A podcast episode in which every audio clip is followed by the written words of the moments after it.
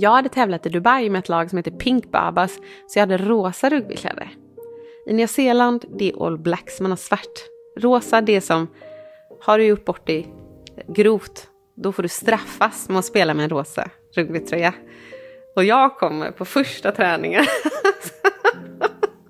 som en utbärling. Knallbrun, alltså fullständigt vitt hår. Och bara hej! Här kommer jag i rosa. Hello everybody, I am here from Sweden and I'm gonna show you how we play ball up in the north. Jag försökte vara lite lågmäld men det gick nog inte så Ja, bra. det låter som att det gick sådär faktiskt. Hjärtligt välkomna till Våga Med-podden. Podden för dig som älskar att aktivera det inre modet och utvecklas både fysiskt och mentalt. Med mig, Mikael Wigerud. Och med mig, Benjamin von Schmuck. Ja, vilken härlig känsla att vara tillbaka i Våga Mera-studion igen. Och eh, vad har du på tapeten Benjamin? Vad händer här nu framöver i veckan?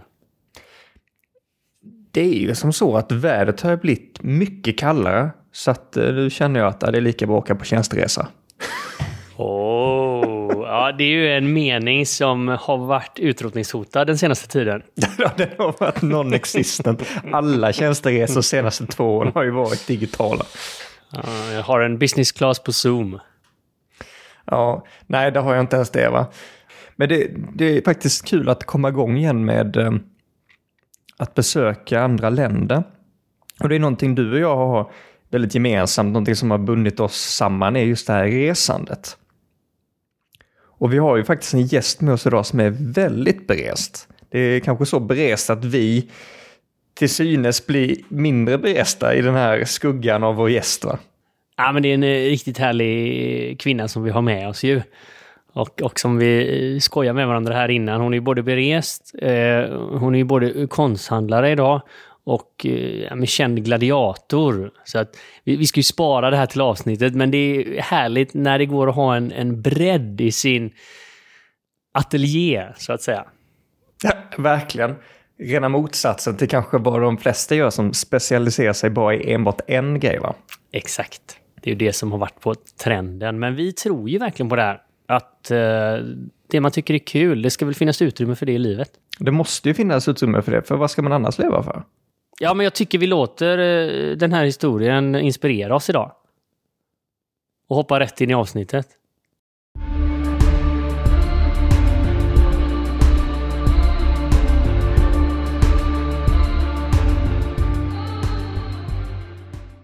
Idag har vi ju en eh, väldigt inspirerande och mångfaciliterad kvinna med oss i studion.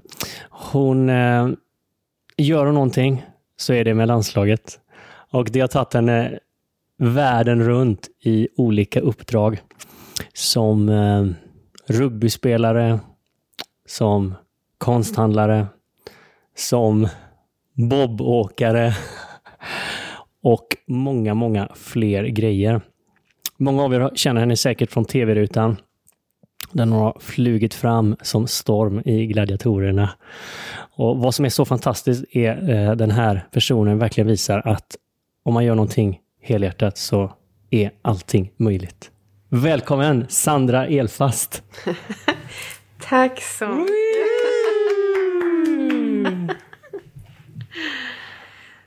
Tack, det var väldigt eh, fin öppningar, Mikael Wigerud.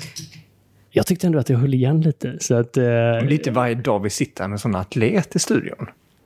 Det är som man känner så här, jag har varit på gymmet en gång detta året, jag borde nog eh, skärpa till mig. Ja, det, det, det är faktiskt väldigt sant Benjamin. Jag kommer ihåg första gången som Sandra utmanade mig, tror jag, lite just i atletiskt. Så det var i en bar på Marstrand. Eh, tror det här var någon gång 2007 kanske, 2008 kan det ha varit det. Det här är roligt, jag minns detta. Jag hade ett par högklackade guldskor också på mig. Jag tog inte av dem. Nej, hon hade högklackat. det, då har vi bakgrunden klar, det är bra. Ja. Mm, så att du vet. Och jag trodde att det var till min fördel. Det var, det var en riktigt glassig fest under seglingsveckan på Marstrand. Eh, vi, vi var på någon sån här eh, schysst eh, VIP-klubb, typ då, eller någonting som det är ute på Marstrand. Och så kommer Sandra då, eh, väldigt eh, höga skor och väldigt välklädd för den här festen. Och av någon anledning så är hon just inne på det här då att eh, fysisk aktivitet och eh, säger till mig, okej okay, men vem är snabbast på 100 meter? Varför jag liksom tittar på hennes skor och tänker jag borde ha ganska goda förutsättningar. Det var grus också utanför. Men mest av allt så tänkte jag att det här är liksom ett skämt, typ som hon bara säger. Men jag säger, ja det vet jag inte, vi får väl se. Ja men vad bra, vi syns på utsidan och så, så kollar vi. Så bara, okej, okay, menar hon allvar? Jag minns faktiskt det. Så, så, när jag kommer ut är hon redan uppställd, så typ så här, som att hon letar var startblocken är någonstans. Liksom.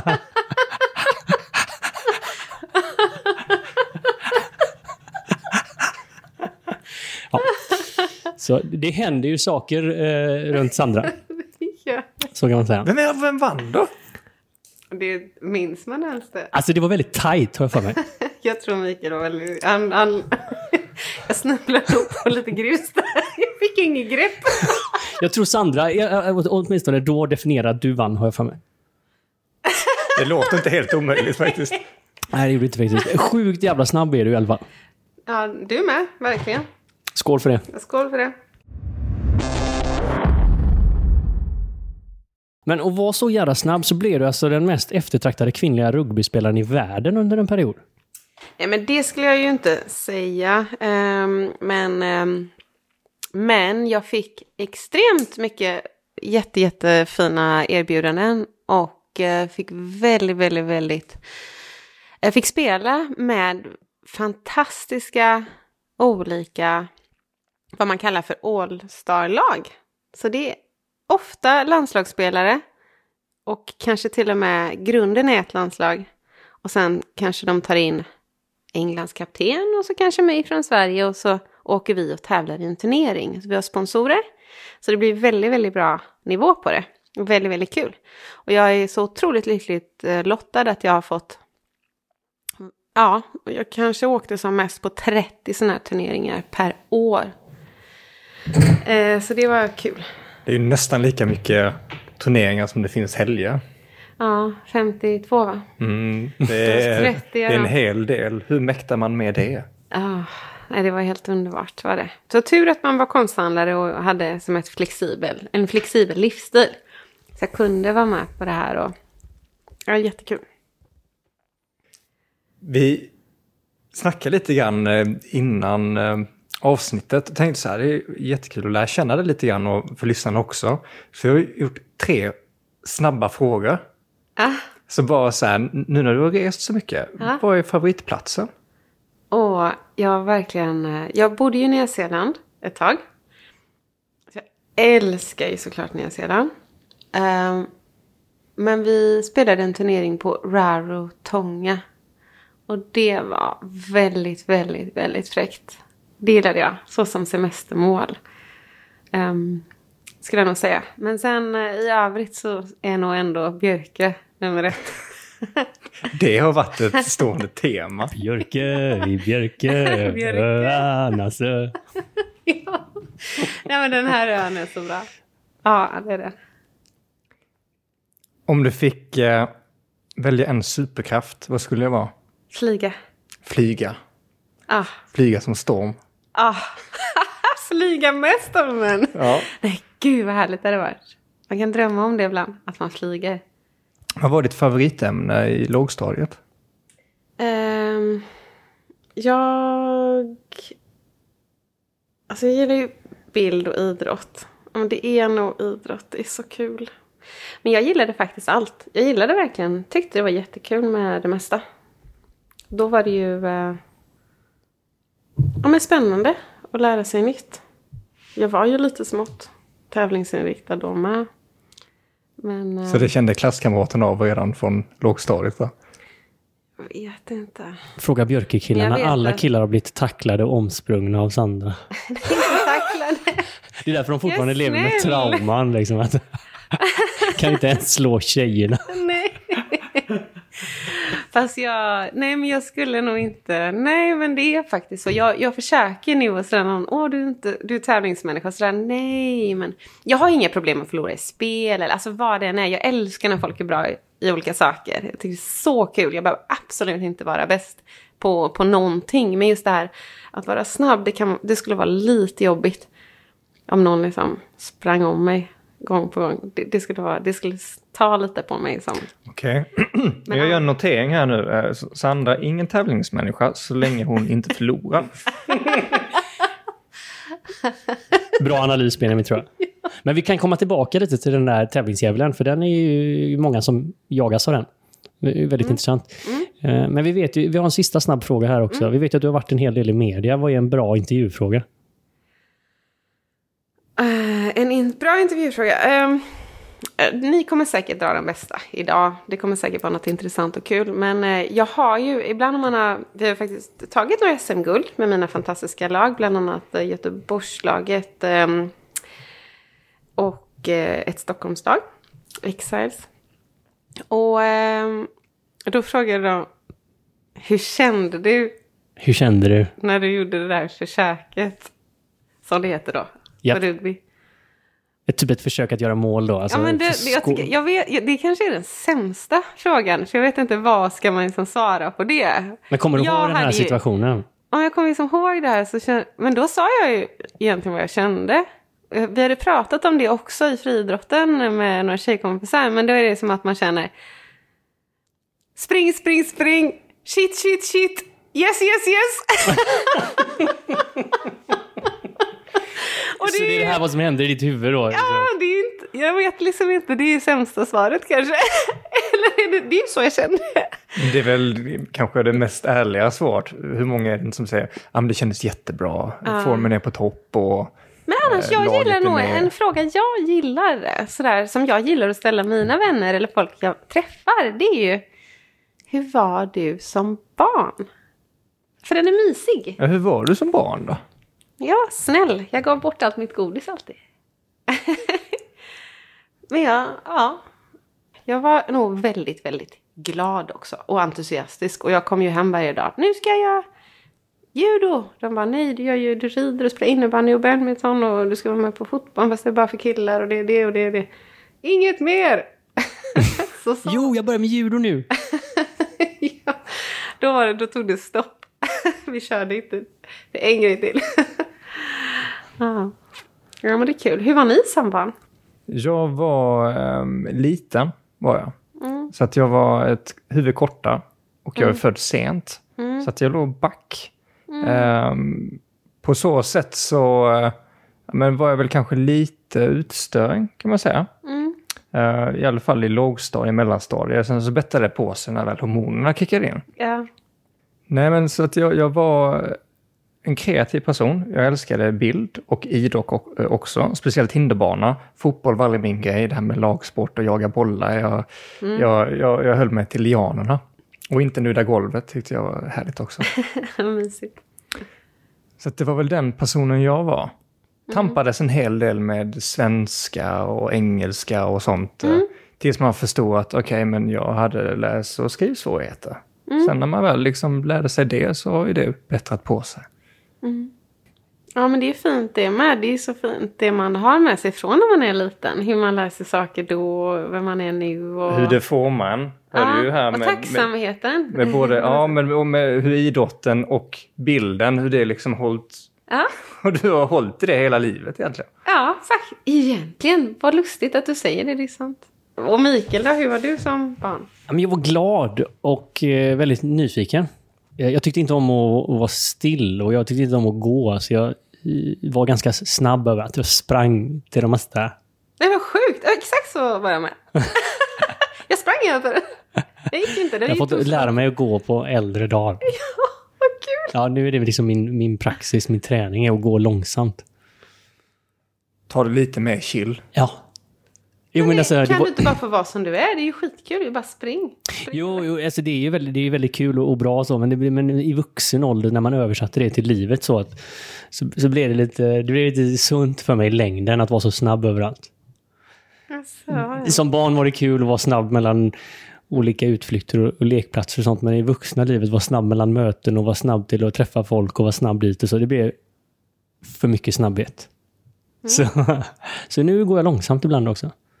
Så kan jag gå riktigt snabbt emellan. Ja, bra lärdom. Ja, Vad var ditt favoritämne? i skolan. Idrott och hemkunskap. Ja, hemkunskap var kul. Ja. Jag, jag var lite för slarvig tror Jag har alltid tyckt det är jäkligt roligt att laga mat. jag. Mm, det är så kul. Men det var många ämnen. Jag tyckte slöjd var kul också.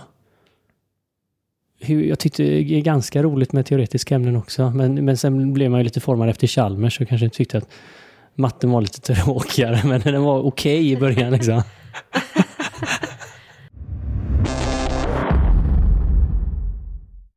Jag tycker det här temat med eh, fysisk aktivitet är himla spännande. Och att prestera så mycket på så många olika fysiska aktiviteter. Det startade ju tidigt för dig. Redan med intresset från skolan och väldigt många olika sporter som... Mm. Men hur kom du in på den här liksom elitnivån? Vad var det som gjorde att du gick åt det hållet? Eller bara För att jag var ju uppväxt här på ön så att här fanns det inte så mycket att välja på. Men jag började, jag började ju rida hästar när jag var två år. Jag liksom älskade hästar. Så jag red hästar.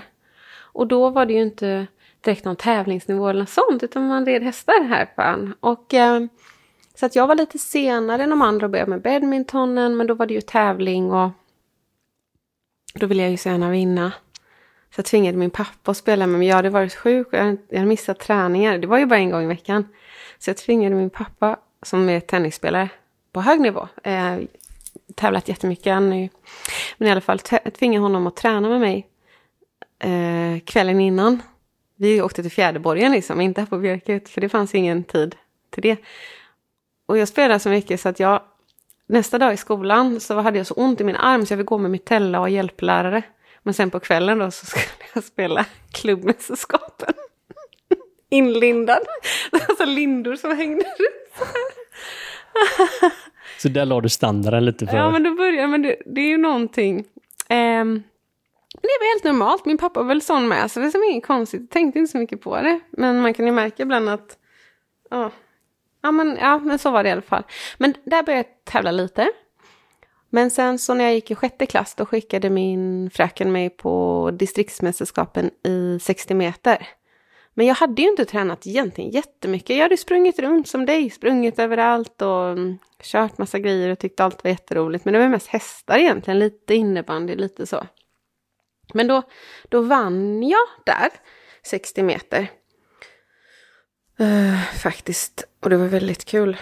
Och det var så roligt, jag var så glad. Mina vänner liksom, öborna där, de var, de var glada. Alla var glada, det var så mysigt. Eh, så var, jag var jätteglad också. Eh, och sen då så blev det att man kom med i en friidrottsklubb och så blev det friidrott. Men eh, när jag gick friidrottsgymnasiet så märkte jag också och då var det ju tävling på SM-nivå och sådär. Och det var jätteroligt. Vi tog faktiskt en del SM-guld i stafett. Och jag tyckte stafett var roligast för det var ett till moment. Jag gillar ju när det händer mycket. Jag älskar boll och jag älskar utmaningar. Att springa bara rakt fram, det är inte egentligen min grej. Och så själv. Så jag gillade ju lag, så jag började känna det här. Ja, ah, det måste hända mer och vara mer grejer liksom. Jag kan tycka att det var lite enformigt, men jag förstod det inte. För det var ju detta jag satsade på nu. Men, eh, och då då eh, stafetten var roligast. Gick friidrottsgymnasiet. Men så bara såg jag någonting på tv sådär. Bara oj, de eh, har en boll och de springer snabbt och de fintar och det var åh hjälp, det där vill jag göra. Så jag, I slutet av gymnasiet där så, för då hade jag ju verkligen tävlat eh, mycket i friidrott. Det var ju kul men det var ändå inte, jag saknar, vi spelar bollsport på gymnastiken och sånt och då bara kände jag men gud, det är ju det jag ska göra, jag måste ha något med boll och lag. Eh, men jag hittade, jag visste inte vad det var, eh, så jag hittade amerikansk fotboll. För det är det man, liksom, och då var det bara för killar, men då började jag göra det. Och jag tävlade och spelade matcher så jag satte på mig hjälmen i omklädningsrummet för då hade jag väldigt långt, väldigt blont hår. Men då stoppade jag upp det i hjälmen så ingen skulle veta att jag var en tjej. Och så satte jag på mig hjälmen innan jag gick ut på plan och så, och så körde jag då. Så jag kom några yards där och sådär. Så det var roligt, bara running back. Och då spelar du med killar liksom, Med killar och fejkade dig då, killar. gömde, gömde ditt långa Med hår. killar mot killar. ja, och jag kommer ihåg att det var någon som, som stod bredvid mig så sa han jag ska döda dig din jävel. Han, han stod ju en bit bort med galler också. Liksom, de var ju bara så här. Det var lite sån eh, macho Eh, kultur där på något sätt. Och jag bara, ja okej. Och sen efteråt när jag tog av mig hjälmen, oj jävlar, det var ju en tjej. så det var roligt. Sen hittade jag rugbyn och då gick det liksom fort. Så hittade jag ett gott gäng tjejer. Och ähm, ja, men det var jätteroligt. Så då spelade vi eh, rugby i många år. Och då, då gick det väldigt fort med allting känns det som. Det var landslaget och det var mycket matcher och tävlingar. Och sen åkte vi till Dubai. Och ähm, ja, och där såg andra en och då började andra brittiska lag fråga och irländska lag fråga vill åka med oss och tävla lite här. Och så, så blev det ju verkligen, verkligen elitsatsning. Om man ska sätta perspektiv på amerikansk fotboll. Mm. Um, Det är ju en massa skydd, det är ju hjälmar Ja, och... precis. För i, i Sverige så är vanlig fotboll jättestort. Medan som man är kanske i andra länder, speciellt Mm. i USA, ja, amerikansk fotboll, det säger sig med namnet va. Men det är en helt annan Mm. Med grej Super runt om. Bowl och så. Ja, det är ju extremt stort. Men rugby har ju varit världens tredje största sportevent. Det är extremt stort rugby. Det finns i alla länder. Eh, just här i Norden finns det i både Sverige, Norge, Finland, Danmark. Det finns landslag överallt. Men det är klart att ehm, sen är det ju såklart Nya Zeeland, Australien, alla de brittiska, alltså den brittiska koloniseringen. Så även eh, med, och därmed också Frankrike. Um, så att överallt så, det är väldigt, väldigt, väldigt, väldigt stort. Alltså de tre största sportevenemangen då. Så det är ju första, det är ju fotbolls-VM och sen har det ju varit, det skiftar ju såklart också. Sen har det ju varit eh, sommar-OS tror jag, friidrott. Och så rugby-VM. Så det är väldigt mycket folk som följer det. Och... Nej, så att det är inte li- en liten sport. Men det är en väldigt liten sport här. Och det jag började med är ju en extremt liten sport här. Så jag kan ju inte någonsin säga till någon att oh, jag har spelat med landslaget. Det är inte riktigt så. Kanske jätte... Det är ingenting Men, man nämner. men det här måste ju ändå ha öppnat upp när du väl lämnar Sverige och Mm. liksom fick ut och resa. Och jag kan bara tänka mig att det öppnas upp liksom en annan värld runt den här sporten. Ja, det var väl så. Ehm, och jag kände väl att åh, jag tyckte det här var så roligt. Och jag faktiskt var uppe i Umeå och studerade på universitetet, eh, psykologi. Då kände jag så här, men vart vill jag vara mest av allt i hela världen? Ja, det är ju i där de är bäst i rugby i hela världen. Det är ju Nya Zeeland. De har aldrig förlorat en landskamp. Ha. Men varför är jag inte där? Nej, jag har inte köpt min flygbiljett bara. Jag måste dit. Så det bara kliade hela kroppen. Och så. Var det här under de mörka tiderna där det inte var så mycket ljus i Umeå också? Ja, det, det var mycket mörkt. Jag kan tänka mig det. Ja. Men just med snön liksom. Ja. Nej, så jag, jag bara bestämde mig. Jag ska åka dit. Och då måste man ju ha visum och det är olika saker. Så jag hade ju ett, um, man hade student visa hade jag först och så, här, så skulle jag åka dit och plugga. Och, ja, så jag tänkte så här, men jag åker dit. Där de är bäst. Och testa, helt enkelt. Um, det kan man ju tycka är kanske både dumt eller modigt eller vad det nu kan vara. Men det var väldigt roligt. uh, och väldigt härligt att få göra det och sitta där på flyget. Jag åkte med min bästa tjejkompis Ann. Så vi flög till Australien, åkte runt där. Sen Fiji och sen Nya Zeeland där jag skulle plugga. Och så lämnade hon mig där då. Och då eh, kollade jag vart är det vart är det flest landslagsspelare? Vart är den bästa klubben? Vart är liksom... Du vet när jag landade där. En gammal tant gick runt i rugbyshorts. Bebisen hade rugbyshorts. Alltså alla har rugbyshorts. De har inte kung och drottning. De har all blacks. Som laget heter. Ja, alltså deras landslag i rugby. Det är Kings and Queens och Black Ferns är tjejerna. Det, det är som, det är det bästa, största. Det, det är inget annat som betyder någonting. Så är det. Så du bara, jag har kommit till rätt ställe. Det var så sjukt härligt. Jag bara, ja, det var riktigt kul. Eh, och då så ringde jag ju till det här, den här coachen och så säger jag, hej, jag heter Sandra. Jag vill eh, spela rugby med. Han bara, jaha, vart är du ifrån? "Ja, Jag är från Sweden. Han bara, aha, okej, vilken position har du då? "Ja, jag har vinge. Jag är fullback också kanske. Alltså den som ska göra poäng då. Och finta och lite så här. Jaha, ja men då är det nog ingen idé du kommer, du kommer få sitta på bänken. Men du kan kolla med de andra lagen. Jag bara, det gör ingenting, jag kommer ändå. och så... Ehm, och då hade vi varit i, som sagt, Australien och allt det, Så man var knallbrun, håret var vitt. Jag hade tävlat i Dubai med ett lag som heter Pink Babas, så jag hade rosa rugbykläder. I Nya Zeeland, det är All Blacks, man har svart. Rosa, det är som, har du gjort bort dig grovt, då får du straffas med att spela med en rosa rugbytröja. Och jag kommer på första träningen som en utbärling, knallbrun, alltså fullständigt vitt hår och bara hej, här kommer jag i rosa. Hello everybody, I am here from Sweden and I'm gonna show you how we play ball up in the north. Jag försökte vara lite lågmäld men det gick nog inte så Ja, det låter som att det gick sådär faktiskt. Och de bara, du vet de här, de här blickarna, de är som, det är som, det är som så kor som står och kollar, du vet bara. Eh, vad gör hon här och när ska hon gå härifrån? Nej, så det var verkligen bara att bevisa Har vi sig. fått en ny maskot? Ja, det är så här, vad är, vem är det här? Men, ett- men kan du vara en sån när du kommer så helt fel och du känner att shit, alltså, kan du känna sån här men ja. ångest att, att det här är fel och du vill byta kläder eller känner du? Jag får bara vara mig själv. Jag, jag skrattade väl lite inombords någonstans och samtidigt kände jag, åh herregud, hur kommer det här gå? Men, eh, men det, då är det verkligen bara backa sig själv till tusen. Då, då får man våga. Bara, nej men gud, nu, nu, jag har ju inte, då har ju inte jag råd att vara dålig. Jag får inte vara dålig. Jag, får, jag måste göra allt jag kan i min makt nu för att bevisa mig själv, rent fysiskt då. Alltså att man gör allt perfekt, visar dem en move eller vad det än är. Du, du måste sätta det, du, du som...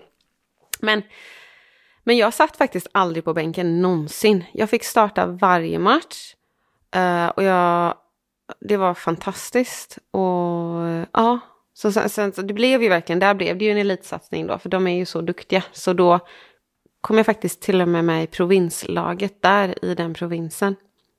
För deras landslag skulle jag ju aldrig få spela i. Inte för att jag var så bra, men om jag hade varit det så skulle jag inte få spela för dem. För att reglerna då var att du får aldrig spela i ett annat landslag om du någonsin har spelat för ett annat land. Så du får inte byta landslag. Eh, det brukar vara tre år eller man kan ha någon form av karens eller liknande, men inte med rugby. Det var inte så då. Aldrig någonsin. En kort paus. Våga Mera växer så att det knakar. Och vill du hjälpa Våga Mera att fortsätta att inspirera och skapa förändring och hjälpa oss med utvecklingen av podden? Så finns det en enkel sak du kan göra här och nu. Och det är att följa podden. Och det går till lite olika beroende på hur du lyssnar. Lyssnar du via Spotify så finns det en följa-knapp precis under bilden. Och lyssnar du till exempel via Apple Podcast så finns det ett plus uppe i högra hörnet. Så tryck där så är du alltid uppdaterad när nästa avsnitt kommer ut. Och givetvis fortsätt att vara den inspiratören du är.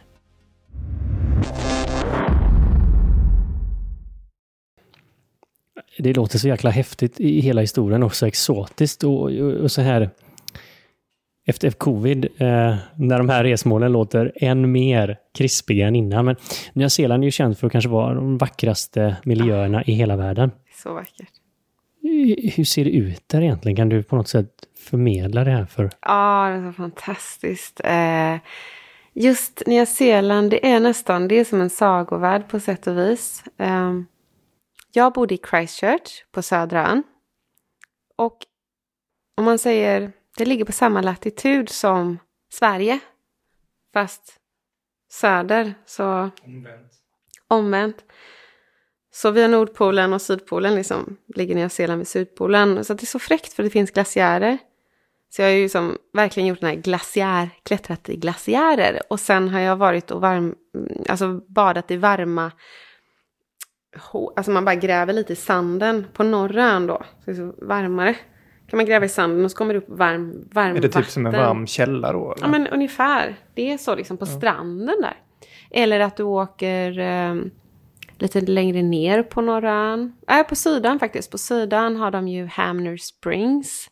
Det är jättemycket källor så du kan åka bilen och så är det så här, nästan vinter. Du vet det är frost på bilen och du skrapar lite och så åker du. Och så ser du borta bland liksom tallarna så ser du hur det bara osar ute långt bort i skogen. Så du bara ställer bilen, bara vandrar dit och då är det en varm flod jätte, jättevarm och en kall flod som möts och det blir som ånga så kan du bara hoppa ner där. Mitt ute i skogen. Bara i en egen... Alltså det är så fräckt. Det finns så... Det är så extremt alltså varierat. Vilket är så kul. Det finns ju vithajar. Så nere på Sydön där så har de ju... Ex, alltså tänk att vara ute och fiska med dem. Fångar... Eh, olika jättekrabbor och ja, men hajar och det är valar och det, det är som allt. Simmar du en vanlig dag så, här, så kan det vara oj, det är sperm whales liksom i bukten här eller vi snorklade och dök efter eh, eh de har inte hummer men crayfish som är utan languster typ. Det är väl som en hummer utan eh, själva utan klor. klorna. Ja men precis, du kan. Nej men eh, så det, jag hoppas jag har koll på det under, under ytan. ja. Benjamin är ju en dive master. Oj, oj. Mm, så när vi är under ytan då är det Benjamin som guidar. Härligt, det får vi testa. Benjamin, vi, det är kanske vi, något vi, som du kan... Vi, vi snorklade ju i, eh, i Hummerviken här nu i somras efter rekommendation i podden. Ja. Och tänkte vi skulle hitta massa spännande grejer. Men vi hade nog otur med, med vattnet. Men vi, du kanske, vi kanske kan arrangera en, en dykutflykt till sommaren här någonstans i skärgården? Oh, wow. Det hade varit, jag har faktiskt dratt på det. Jag har hört att det ska finnas en jättefin non-profit organisation i Göteborg. Jaha! Ja. Så att, eh, jag, när du pratar om Umeå, jag körde i Luleå körde jag Oj. i fem år. Och de ah. hade en jättefin, eh, och har nog fortfarande en dykarklubb som heter eh, Dyk Polar. Oh, wow! Så de, hade ju, de kör ju så här gottdykningar och de körde isvak och alla de här bitarna. Oh, så det är någonting läskigt. jag saknar. Det där känns lätt. Där tycker jag är läskigt. Där är inte jag så här. Jag kan ju verkligen utmana mig själv. Alltså så här, när jag vågar mera på den. Alltså absolut finns vissa grejer men andra grejer är så här. Nej, det vet jag inte om jag vill hoppa ner i isvak och dyka ner. Men det är skönt att även för dig kan det vara någonting som känns lite läskigt. Nej, Men om man tänker så här, om det är någon som lyssnar på det här nu Sandra och tänker men herregud vilka sjuka grejer hon kan göra. Hon har andra förut, liksom, hon måste ha bättre förutsättningar än vad jag har som mm. lyssnar här nu. Mm. Om det är någon som känner att de skulle vilja göra något, precis som du kände när du, mm. du ville följa den här känslan av mm. att hitta en boll och du hittar rugbyn och det tog dig till liksom det bästa laget i hela mm. världen. Det är ju många steg du har tagit där. Ja. Men vad tror du är nyckeln om någon som är i de här startgroparna också för sin egna dröm? Du kan aldrig göra någonting om du inte Alltså du, du måste tvinga dig själv. Du kan vara livrädd och nästan vill inte. Så det är bara, men jag gör det. Jag gör det, du, får gör, du måste göra någonting. Och det, jag, jag hade det knepet att jag kände så här, nej men vart vill jag komma? Hur ska jag ta mig dit?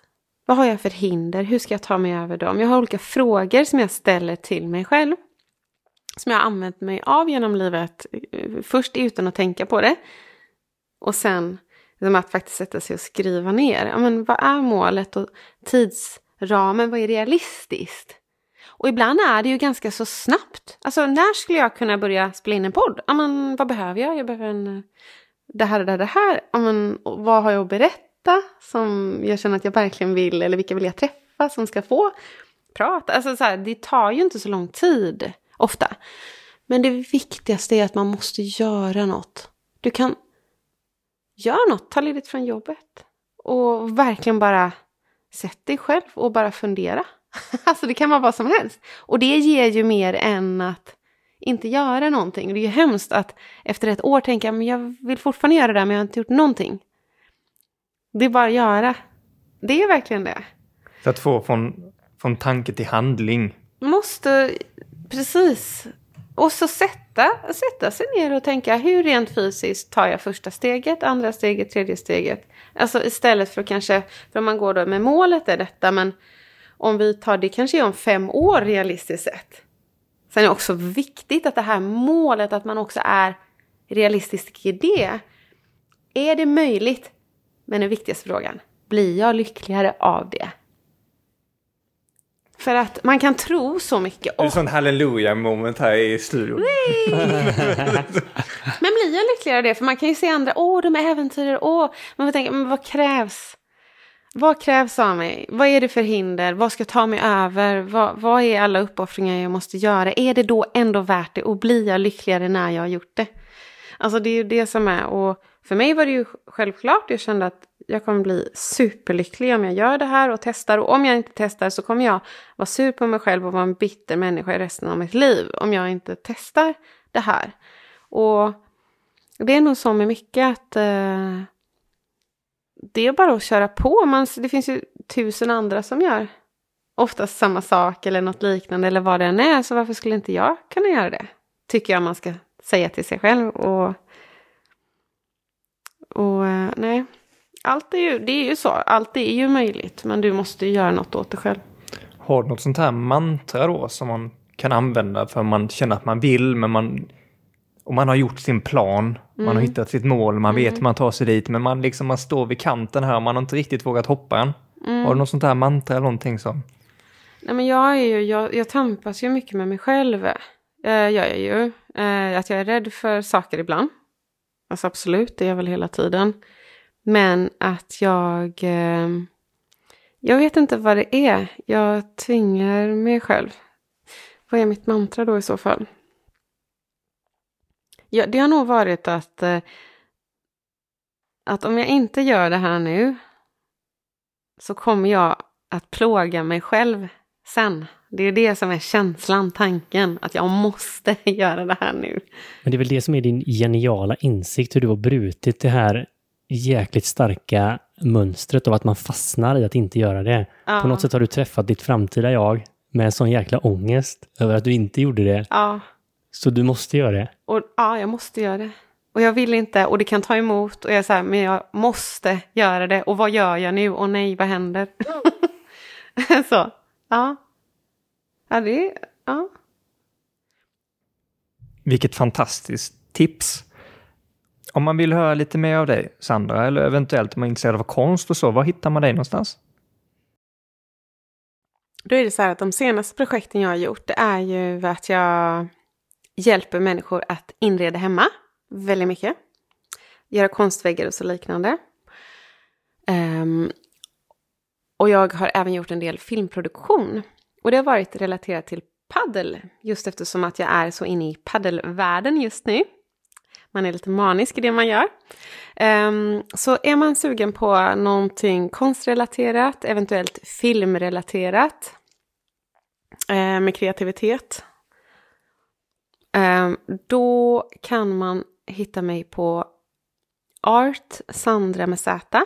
Jag har faktiskt två gallerier. Jag har även bohuskonst.nu, bohuskonst.nu och artsandramedz.se. Eh, och där finns mina kontaktuppgifter. Jag har även Instagram, Sandra Paddel. Och Instagrammen för konsten är Art Sandra med Z. Det är helt underbart. Så spännande att ha med dig idag. Tack. Tack ska ni ha.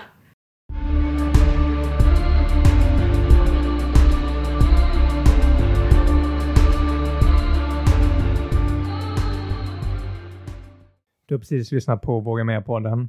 Med mig Benjamin. Och med mig Mikael. Vill du höra mer av oss så måste ni ju såklart prenumerera på podden. Och det gör ni genom att ni klickar i den här klockikonen där poddar finns.